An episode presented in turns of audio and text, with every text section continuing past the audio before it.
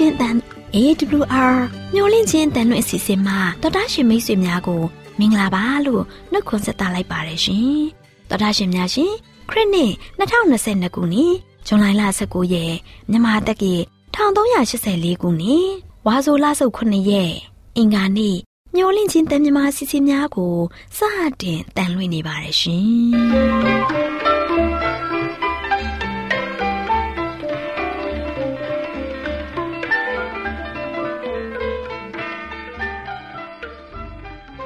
တော်တာရှင်များခင်ဗျာမျောလင့်ချင်းအတန်မြန်မာအစီအစဉ်ကိုနက်နက်6နိုင်မိနစ်30မှ9နိုင်အထိ16မီတာ kHz တစ်ခွန်ခွန်23ညညပိုင်း9နိုင်မှ9နိုင်မိနစ်30အထိ25မီတာ kHz 11943ညမှအတန်လွှင့်ပေးနေပါတယ်ခင်ဗျာ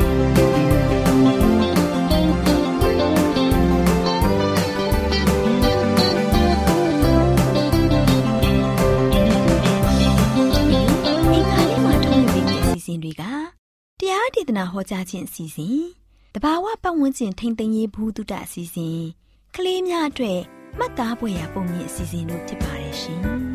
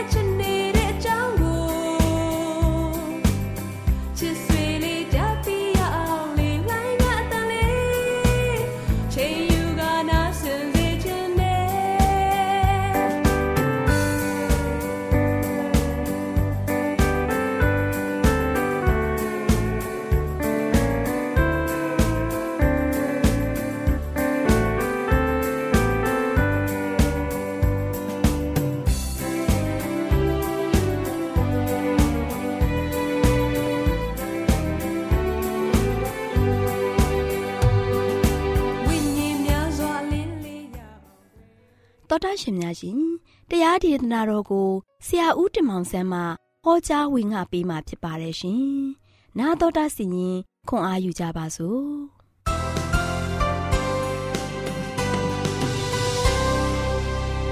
အားလုံးသောမိတ်ဆွေများမင်္ဂလာပေါင်းနဲ့ပြေဝဆုံနေကြပါစေ။ယနေ့ပြန်လည်ပြီးတော့နေ့တင်မှာမိတ်ဆွေတို့နဲ့ပြန်လည်ပြီးတော့တွေ့ဆုံခွင့်ရတယ်။မျော်လင့်ခြင်းဓမ္မဒေသနာကနေမှာမိတ်ဆွေတို့နေ့တိုင်းနေ့တိုင်းသတင်းစကားကိုကြားနာရတယ်။ဒီသတင်းစကားတွေကမိတ်ဆွေတို့ မိမိတို့မှတ်ယူတဲ့ခါမှာလို့ရှိရင်ကောင်းတဲ့အရာတွေမိမိတို့အတွက်သင်ခန်းစာရမယ်လို့လည်းမျှော်လင့်ပါတယ်။ဘုရားရဲ့ဝိညာဉ်တော်လည်းမိတ်ဆွေတို့နဲ့အတူပါရှိပြီးတော့မိတ်ဆွေတို့ရဲ့ဝိညာဉ်ခွန်အားဘုရားကိုမသိတဲ့လူကလည်းဘုရားကိုသိလာဖို့ဘုရားကိုသိပြီးသားလူကလည်းပို့ပြီးတော့ဘုရားရဲ့အလိုတော်ကိုပို့ပြီးသိလာဖို့ကျွန်တော်အနေနဲ့မျှော်လင့်ပါတယ်။ဒါကြောင့်ဒီနေ့မှာလို့ရှိရင်မိတ်ဆွေတို့ကိုမျှော်လင့်ခြင်းဓမ္မဒေသနာကနေမှပေးသွားခြင်းတဲ့သတင်းစကားကတော့မြည်သည့်စံနှုန်းဖြင့်တရားစီရင်မလဲ။ဘုရားကဘယ်စံနှုန်းကိုသုံးပြီးတော့တရားစီရင်မလဲ။ နော်အဲ့ဒီသတင်းစကားကိုကျွန်တော်ပြောသွားချင်ပါတယ်။ဒါကြောင့်ဘုရားရဲ့တရားစီရင်ခြင်းကိုကျွန်တော်တို့ရောက်တိုင်းရောက်တိုင်းခံစားရမယ်။အဲ့လိုခံစားရတဲ့ခါမှာဘုရားသခင်ကတရားစီရင်တဲ့ခါမှာသူ့ရဲ့ဥပဒေစည်းမျဉ်းကဘယ်စည်းမျဉ်းတရားတိုင်းကျွန်တော်တို့တရားစီတိုင်းကိုတရားစီရင်သွားမလဲဆိုတာကိုဒီနေ့ကြားနာမှာဖြစ်ပါတယ်။ဒီလိုကြောင့်ဒီတရားစီရင်ခြင်းစံနှုန်းနဲ့ပတ်သက်ပြီးတော့ကျွန်တော်တို့အားလုံးနားလည်သဘောပေါက်ဖို့ရန်အတွက်ကိတ္တခဏဆုတောင်းကြပါစို့။အထက်ကောင်းငယ်ပေါ်၌တရှိတော်မူသောဖဖရားယနေ့ကိုယ်တော်ဖရားသည်တရားစီရင်ပိုင်သောဖရားဖြစ်ပါ၏ သားသမီးကဘာလောကမှာတက်ရှင်သောသားသမီးတိုင်းကိုမိတို့လောက်ခဲ့သမျှရာအားလုံးကိုမှတ်တမ်းယူထားသောဘုရားလည်းဖြစ်ပါတယ်။ဒါကြောင့်ကျွန်တော်တို့ရဲ့တက်တာမှာတို့ရှင်ကိုရှင်ဘုရားရဲ့တရားစီရင်ခြင်းမှာကိုရှင်ဘုရားသည်ဘယ်စံနှုန်းကိုသုံးပြီးတော့တရားစီရင်မလဲဆိုတာကိုဒီမနေ့ကြားနာမိဖြစ်ပါတယ်။ဒီနေ့ကြားရတဲ့အခါမှာတို့ရှင်သားသမီးရောက်တိုင်းအတွက်ဝမ်းမြောက်ပျော်ရွှင်ခြင်းတဲ့ခြင်းကိုခံစားရ၍ကိုရဲ့တရားစီရင်ခြင်းကိုဝန်ခံနိုင်သောသားသမီးများကိုယ့်ရဲ့တရားစီရင်ခြင်းမှာလုံးမြောက်နိုင်သောတာသမီတည်တည်ဖြစ်ဖို့ရန်အတွက်မာသတော်မီကြောင်း တပိုက်တော်တာတော်သခင်ခရစ်တော်ရဲ့နာမတော်ကိုမြည်ပြီးဆုတောင်းပါတယ်ဖဗျာအာမင်ချစ်တော်မိတ်ဆွေတို့ဘုရားသခင်ရဲ့တရားစီရင်ခြင်းကြောင်းကြားနာတဲ့ခါမှာတော့ကျွန်တော်တို့ကြောက်ဖို့မဟုတ်ပါဘူးเนาะမေတ္တာတရားအခြေခံထားတဲ့ဖြစ်တဲ့ပညတ်တော်10ပါးဆိုရှင်ထာဝရတည်ရှိမြဲဖြစ်ကြောင်းသခင်ယေရှုဖော်ပြခဲ့ပါတယ်နှစ်ပေါင်းများစွာကောင်းကင်တမန်တို့ကဆိုရှင်စောက်ရှောက်ခဲ့ကြတယ်ယနေ့ပင်မှာတော့ဒီအခြေခံတရားဟာဆိုရှင်တည်ရှိလျက်ရှိပြီးတော့ထာဝရကာလတည်ရှိလေဦးမယ်တဲ့ ဒါကြောင့်သူ့လင်မယားပြင်မာခြင်းခိုးခြင်းတတ်ခြင်းလိမ့်လေခြင်းရုပ်ထုကိုကိုးကွယ်ခြင်းဥပုံမဆောင်ခြင်းတို့ဟာအမြဲတမ်းဖြစ်နေဦးမယ်မေတ္တာတရားဆိုရှင်ဘုရားရဲ့အသက်တာ၌တွေ့ရပါတယ်သခင်ယေရှုခရစ်တော်ကလည်းအဲ့ဒီတရားအတိုင်းပြည့်ပြည့်စုံစုံနေထိုင်သက်ရှင်နေထိုင်သွားပါတယ်ကိုတော်ကိုကြည်ခြင်းအပြင်ဘုရားသခင်ရဲ့တန်ရှင်းတဲ့ပညတ်တော်နဲ့ပြည့်စုံတဲ့တဏ္ဍာတော်ကိုကျွန်တော်တို့တွေ့ရပါမယ်ချစ်တော်မိတ်ဆွေ တရားစီရင်ခြင်းရှိမည်ဖြစ်ကြောင်းတမန်ကျမ်းစာမှာလို့ရှိရင်သုံးသင်ထားပါတယ်ဘယ်လိုပြောထားလဲဆိုတော့ခံထားတော်မူသောသူအားဖြင့်လောကီသားတို့ကိုဖြောင့်မတ်ခြင်းတရားနှင့်ညီလျော်စွာစစ်တော်စီရင်မည်နေရက်ကိုချင်းချက်တော်မူပြီးထိုသူကိုတေခြင်းမှထားမြောက်စေတော်မူသောအပြင်ခတ်သိမ်းသောသူတို့အားလုံးဂျုံလောက်သောတက်တွေကို ပြတော်မူပြီးဆိုပြီးတော့တမန်တော်ဝိထုခန်းကြီးဆက်ကွန်ငယ်31မှာလို့ရှိရင် တွေ့ရပါတယ်လူတို့ရဲ့အမှုချင်းအပြောဆိုအနေထိုင်တို့ကိုစစ်ကြောစီမှာဖြစ်ပါတယ်ကျွန်တော်တို့ကြံ့ရရွေးပိုင်ခွင့်ရှိတယ်လူသားများဖြစ်ကြပါတယ်ကျွန်တော်တို့ရွေးချယ်တဲ့အတိုင်းတာဝန်ယူရမယ်ကျွန်တော်တို့နေပုံထိုင်ပုံအတွက်ဘုရားသခင်ကိုဘုရားသခင်ကအဖြစ်ပေးပါလိမ့်မယ်တရားစီရင်ခြင်းကလို့ရှိရင်ဘယ်လိုစံနှုန်းရှိပါမလဲဘုရားသခင်ကကျွန်တော်တို့ထံဘာကိုမျှော်လင့်ထားတယ်ဘုရားသခင်ကအကြောင်းအရာနှစ်ခုကိုအာယုံဆိုင်လက်ရှိပါတယ် ကျွန်တော်တို့ဘုရားသခင်ကိုကျွန်တော်တို့ရဲ့ချစ်ခင်ဆုံးမခြင်းနဲ့ပထမနဲ့အမြင့်ဆုံးနေရာမှာထားရှိသလားအမှန်စစ်စစ်ဘုရားကိုချစ်သလားပညာတော်၁၀ပါးရေးသားထားတဲ့ပထမကြောက်ပြားပေါ်မှာဆိုရှင်တိုချုပ်ရေးသားထားတဲ့ပထမနဲ့အကြီးမြတ်ဆုံးသောပညာတော်ကိုကျွန်တော်တို့တကယ်နားလည်သဘောပေါက်ပါသလားကိုတော်ကိုအမှန်တကယ်ချစ်မချစ်ဘုရားသခင်ဟာဆိုရှင်တရားစီရင်ခြင်းတိုင်းစစ်ပါလိမ့်မယ် ကျွန်တော်တို့ကိုယ်တိုင်ကကိုယ်တိုင်ကိုကြကိုတော်ကိုလုံးဝဝိပုကိုယ်ွယ်ကြပါသလားနာမတော်ကိုယိုသေးလေးသားသလားဥပုဒ္တော်နေ့ကိုယိုသေးစွာဆောင်ထိန်ကြသလားဖရာသခင်ကကျွန်တော်တို့နဲ့ဘဝတူလူသားများဆက်ဆံပုံကိုတရားစီရင်ပါလိမ့်မယ်ဒုတိယပိုင်းကတော့ပညာတော်6ခုကို အောင်းမေ့တတိယလောက်အောင် သူတစ်ပါးကိုကျွန်တော်တို့ချစ်မချစ်ဖရာသခင်စစ်စစ်မေးမြန်းတော်မူပါမယ်သူတို့ဥစ္စာကိုတင်ခိုးသလား သူတို့ကိုတင်တတ်သလားမုန်းသလားသူတို့ပိုင်ဆိုင်တဲ့အရာများကိုတင်တတ်မဲ့သလားပညာတော်၁၀ပါးလုံးကတရားစီရင်ခြင်းအတွက်စံနှုန်းဖြစ်ပါတယ်အချို့အခြားစကားဟူမူကားဖရာသခင်ကိုကြောက်ရွံ့၍ပညာတော်တို့ကိုစောင့်ရှောက်လောဤ၍ကလူနှင့်ဆက်ဆိုင်သောအမှု အလုံးစုံတို့ကိုချုပ်ချသည်အကြောင်းမူကားဖရာသခင်သည်ခတ်သိမ်းသောဝက်ထားခြင်းမှစ၍ အလုံးစုံသောအမှု ကောင်းမကောင်းရှိသမျှတို့ကိုစစ်ကြော၍တရားသဖြင့်စင်ရင်တော်မူလက်တန်တည်းဆိုပြီးတော့ဒေသနာကျမ်းခန်းကြီးစနစ်အငယ်73ကနေမှ74မှာဖော်ပြထားပါတယ်။ဒါကြောင့်ကျွန်တော်တို့ပထမပိုင်းမှာလို့ရှိရင်ကျွန်တော်တို့အားလုံးကဘုရားသခင်ရဲ့ရှေ့တော်မှောက်မှာလို့ရှိရင်ပညာတော်10ပါးရဲ့ရှေ့မှောက်မှာကျွန်တော်မတ်တထပြီးတော့တရားစီရင်ခြင်းခံပါခံရပါလိမ့်မယ်။ပညာတော်10ပါးမှာလို့ရှိရင်ပထမဆုံး၄ပါးမြောက်ဖြစ်တဲ့ ဘုရားကိုချစ်ရမယ့်ပညာတော်၄ပါးအဲ့ဒီ၄ပါးစံနှုန်းကိုအရင်ဆုံးကြည့်ပါလိမ့်မယ်ဒုတိယကတော့လူချင်းချင်းကိုချစ်ရမယ်ပညာတော်6ပါးအဲ့ဒီ6ပါးသလုံးကိုကြည့်ပြီးတော့10ပါးပေါင်းပြီးမှကျွန်တော်တို့ကအဲ့ဒီအလယ်မှာရပ်ပြီးတော့ဖခင်ကပညာတော်အားဖြင့်စံနှုန်းထားပြီးကျွန်တော်တို့တရားစီရင်သွားမှာဖြစ်ပါတယ်လောကမှာရှိတဲ့ခါမှာဖခင်ကိုတကယ်ဝိပုကိုယ်ွယ်ရသလားဖခင်သခင်ကိုကျွန်တော်တို့ကတကယ်ချစ်ရလား ဖခင်သခင်ပေးထားတဲ့ဥပုပ်တော်နေ့ကိုသေချာစောင့်ရလားဘုရားရဲ့ဥပုံနေ့ကိုမှန်မှန်ကန်ကန်ကျွန်တော်တို့ကဝိပုကုတ်ကိုရဲ့လားဒီအရာကပထမဆုံးကျွန်တော်တို့စမ်းစစ်ခြင်းခံရလိမ့်မယ်ဒါကြောင့်ချစ်တော်မိတ်ဆွေတို့ဘုရားသခင်ကကျွန်တော်တို့ကိုတရားစီရင်တဲ့အခါမှာဘယ်စံနှုန်းနဲ့တရားစီရင်မလဲဆိုတာကိုအတိအလင်းနော်ဒေသနာကျမ်းခန်းကြီးစနစ်ငယ်73ကနေ74မှာဖော်ပြထားတယ်ဒါကြောင့်တရားစီရင်ခြင်းရဲ့စံနှုန်းမှာလွတ်မြောက်ဖို့ရန်အတွက်ဘ ဖျားရှင်ရဲ့လိုတော်ကိုဝန်ခံလိုက်လျှောက်ကြပါစို့လို့အားပေးတိုက်တော်နဲ့နေကုန်းချုပ်ပါတယ်အားလုံးဖျားသခင်ကောင်းကြီးချပေးပါစေ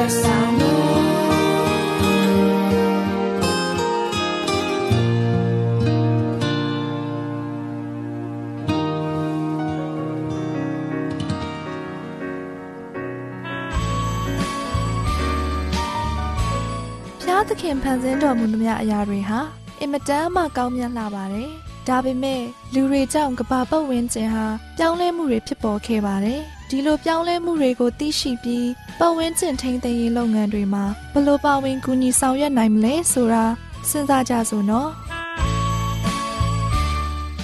တော်တရှင်မိတ်ဆွေပေါင်းလို့ရှင်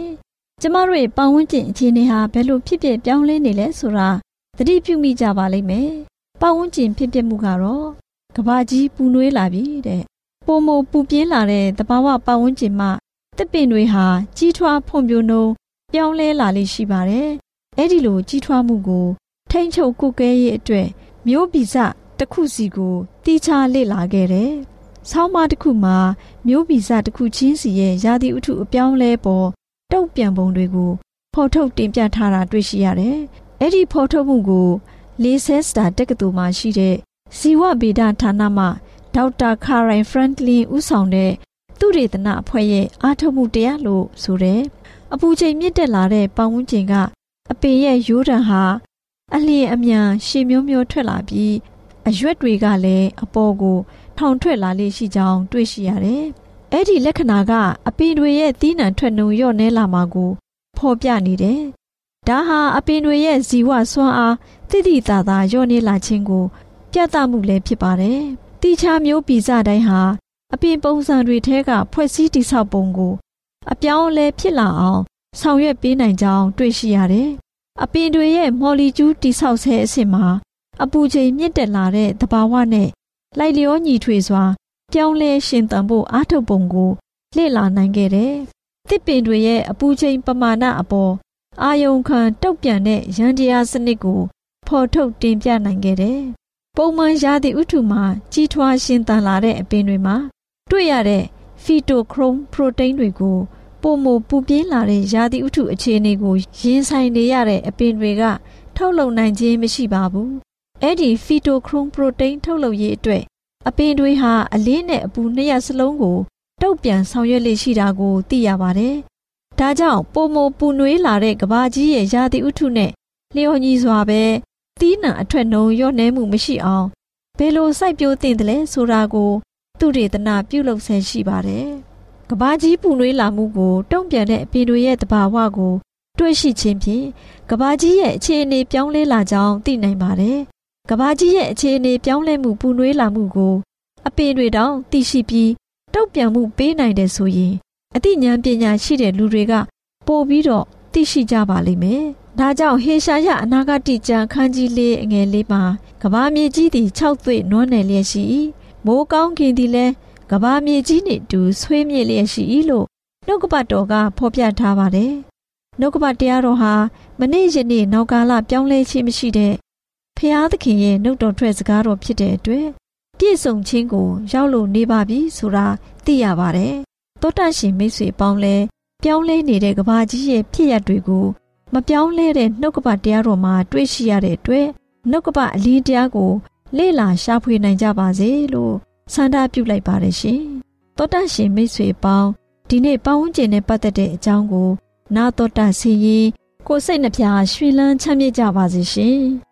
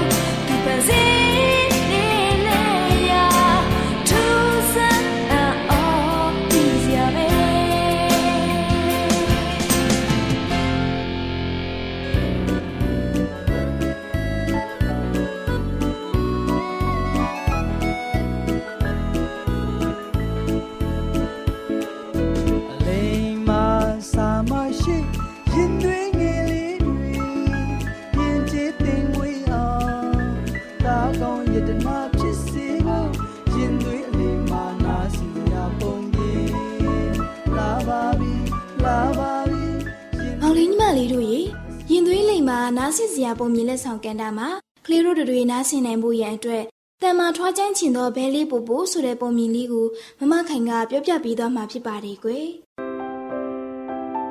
မောင်လေးညီမလေးတို့ရေဟိုးရှိရှိတုန်းကဥ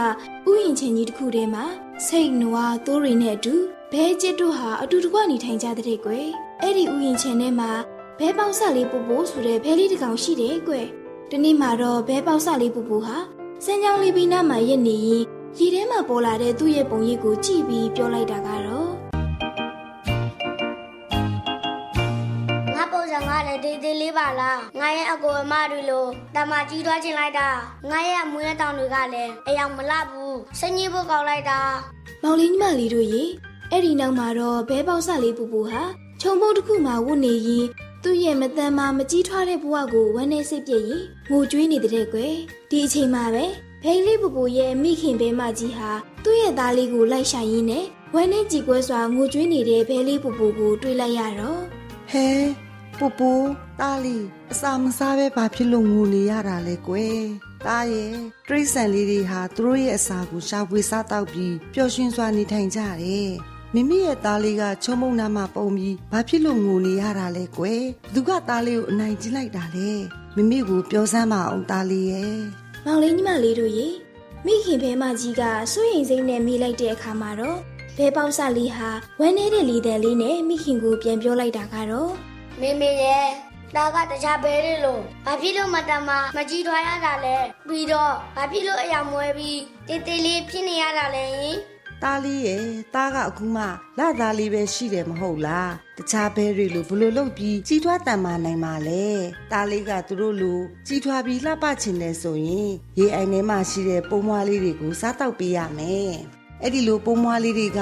မိမိတို့ရဲ့အစာအာဟာရတွေမဟုတ်လားကွယ်တားအနေနဲ့ရေကန်ထဲမှာရေကူးလိုက် ဗိုက်စားလာရေးပိုးကောင်လေးတွေကိုစားလိုက်နဲ့အဲ့ဒီလိုလုပ်ပေးရမယ်ကွဒါမှသားအနေနဲ့ဒီဥယျင်ထဲမှာတန်မာထွားချိုင်းပြီးလှပတဲ့ဝမ်းပဲကြီးတစ်ကောင်ဖြစ်လာမှာပေါ့မဟုတ်ဘူးလားသားလေးမောင်လေးညီမလေးတို့ရေဘဲပေါက်ဆလေးပူပူဟာသူ့အမေစီကဒီလိုအားပေးစကားတွေကိုကြားရတဲ့အတွက်ဝမ်းသာအားရစွာနဲ့ပြောလိုက်တာကတော့မေမေတကယ်ပြောတာနော်ဒါဆိုရင်တားအခုပဲရေအိုင်မှာရေကူးပြီးအစာတွေစားတော့မယ်နော်ကောင်းပါပြီသားလေးရဲ့ မောင်လေးညီမလေးတို့ရေဘဲပေါက်ဆလေးပူပူဟာသူ့မိခင်ရဲ့စကားအတိုင်းရေအိုင်ထဲမှာရှိတဲ့ပိုးမွှားလေးတွေကိုအများကြီးဖမ်းဆလိုက်ရေကူးလိုက်နဲ့မရက်မနာကြိုးစားလာတဲ့အခါနောက်ဆုံးမှာတော့တဖြည်းဖြည်းနဲ့ပူပူဟာအယောင်အသွေးလှပလာပြီးတန်မာထွားကျိတ်နဲ့ဘဲပြူကြီးတစ်ကောင်ဖြစ်လာပါတော့တယ်ကွယ်အဲ့ဒါကြောင့်သူ့ရဲ့မိခင်ပြောခဲ့တဲ့စကားကိုပြန်လေတွေးတောစဉ်းစားမိတာကတော့ မင်းမင်းပြောတာမှလိုက်တာတကယ်တော့အပြင်းထူပြီးစိတ်ပြည့်အာရုံနေရင်ငါဟာအခုလိုတမလာပါလာမှာမဟုတ်ဘူးအခုဆိုရင်တခြားဘဲတွေကငါ့ကိုတမလာပါလိုက်တာဆိုပြီးချီးကျူးကြတယ်ဒါဟာငါရဲ့လုံနာရိယာနဲ့ကြီးတွားတမချိန်ကိုအကျိုးရှိရှိအတုံးချခဲ့တဲ့အကျိုးကျေးဇူးကြောင့်ပဲမောင်လေးညီမလေးတို့ရေဘဲပေါက်ဆလေးပူပူကနေဘဲပြူကြီးဖြစ်လာတဲ့ပူပူဟာဘဲပေါက်ဆလေးတွေကိုတွေ့ရင် သူ့လူတန်မာဖို့လုံလဝရိယနဲ့ပိုးမွှားလေးတွေကိုအားထုတ်ကြိုးပမ်းစားတောက်ပြီးကျမ်းမာတန်ဆွမ်းဖို့ရေကူကျင်လဲစွာကူးတက်ဖို့ကြိုးစားကြပါဆိုပြီးအမြဲတမ်းဆုံးမအားပေးပါတယ်ကွယ်။မောင်လေးညီမလေးတို့ရေကလေးတို့လည်းဘယ်တော့မှဘဲလေးပူပူလိုကိုယ့်ရဲ့ကြီးထွားတန်မာချိန်မရောက်သေးပဲအရင်စလိုမရောက်သေးတဲ့ဘဝကိုစိတ်ပြည့်အာရုံပြီးဘဝကိုအရှုံးမပေးရဘူးနော်ဘဝကိုအချိန်ပြည့်လုံလဝရိယနဲ့စူးစမ်းအားထုတ်ရင်ကိုယ်နိုင်တဲ့တောင်းကိုထမ်းဆောင်နိုင်တဲ့ တာကောင်းရတနာလေးတွေဖြစ်ဖို့ကြိုးစားကြရမယ်နော်ကလေးတို့အားလုံးရှင်လန်းချမ်းမြေ့ကြပါစေလို့မမခိုင်ကဆုမွန်ကောင်းတောင်းပေးလိုက်ပါတယ်ကွယ်တော်တရှင်များရှင်ယခုတင်ဆက်ခဲ့တဲ့ရင်သွေးအလိမ်မှာနားဆင်စရာပုံမြင်လက်ဆောင်ကဏ္ဍလေးကိုကျမတို့မျိုးလင့်ချင်းအတန်မှတင်ဆက်ပေးခဲ့ခြင်းဖြစ်ပါတယ်ရှင်ကျေးဇူးတင်ပါတယ်ရှင်ဗုဒ္ဓရှင်များရှင်ကျမတို့ရဲ့ဗျာဒိတ်တော်စပေးစာယူသင်တန်းဌာနမှာအောက်ပါသင်တန်းများကိုပို့ချပေးလျက်ရှိပါတယ်ရှင် သင်တန်းများမှာစိတ်ဓာတ်ဒုက္ခရှာဖွေခြင်းခရစ်တော်၏အသက်တာနှင့်တုန်သင်ချက်များတဘာဝတရားဤဆရာဝန်ရှိပါကျမ်းမာခြင်းနှင့်အသက်ရှိခြင်းသင်နှင့်တင့်ကြမာရေးရှာဖွေတွေ့ရှိခြင်းလမ်းညွန်သင်ခန်းစာများဖြစ်ပါရဲ့ရှင်သင်တန်းအလုံးဟာအခမဲ့သင်တန်းတွေဖြစ်ပါတယ်ဖြစ်ဆိုပြီးတဲ့သူတိုင်းကိုဂုံပြုလွှာချီးမြှင့်ပေးမှာဖြစ်ပါတယ်ရှင်တော်တာရှင်များခင်ဗျာဗျာဒိတ်တော်အတန်းစာပေးစာယူဌာနကိုဆက်သွယ်ခြင်းနဲ့ဆိုရင်တော့ ဆက်သွယ်ရမယ့်ဖုန်းနံပါတ်ကတော့39 656 296 336နဲ့39 98 316 694ကိုဆက်သွင်းနိုင်ပါတယ်။ဒါ့အပြင်တော့အတန်းစာပေးစာဥထာဏာကိုအီးမေးလ်နဲ့ဆက်သွယ်ခြင်းနဲ့ဆိုရင်တော့ l a l r a w n g b a w l a @gmail.com ကိုဆက်သွင်းနိုင်ပါတယ်။ဒါ့အပြင်တော့အတန်းစာပေးစာဥထာဏာကို Facebook နဲ့ဆက်သွယ်ခြင်းနဲ့ဆိုရင်တော့ SOESANDAR Facebook အကောင့်မှာဆက်သွင်းနိုင်ပါတယ်။ AWR မျော်လင့်ခြင်းတန်ကိုအားပေးနေတယ်တော်တာရှင်များရှင်မျော်လင့်ခြင်းတန်မှာအကြောင်းအရာတွေကိုပုံမသိရှိပြီးဖုန်းနဲ့ဆက်သွယ်လိုပါက39ကို2939 3926ခွန်45နောက်ထပ်ဖုန်းတစ်လုံးအနေနဲ့39ကို688 664 48ခွန်ကိုဆက်သွယ်နိုင်ပါတယ်ရှင် AWR မျော်လင့်ခြင်းအတန်ကို Facebook နဲ့ဆက်သွယ်ခြင်းနဲ့ဆိုရင်တော့ AWR ရန်ကုန် Facebook Page မှာဆက်သွယ်နိုင်ပါတယ်ခင်ဗျာအင်တာနက်ကနေမျော်လင့်ခြင်းအတန်ရေဒီယိုအစီအစဉ်တွေကိုနားထောင်ခြင်းနဲ့ဆိုရင်တော့ website လိပ်စာကတော့ www.awr.org ဖြစ်ပါတယ်ခင်ဗျာတော်တာရှင်များရှင် KSTA အာကခွန်ကျွန်းမှာ AWR မျိုးလင့်ချင်းအတံမြန်မာအစီအစဉ်များကိုအတံလွှင့်ခဲ့ခြင်းဖြစ်ပါတယ်ရှင် AWR မျော်လင့်ခြင်းအတန်ကိုနာတော်တာဆင် gay ကြတော့တောတာရှင်အရောက်တိုင်းပေါ်မှာဖျားသခင်ရဲ့ကြွယ်ဝစွာသောကောင်းကြီးမင်္ဂလာတက်ရောက်ပါစေကိုယ်စိတ်နှဖျားကျမ်းမာရွှင်လန်းကြပါစေကျေးဇူးတင်ပါတယ်ခင်ဗျာ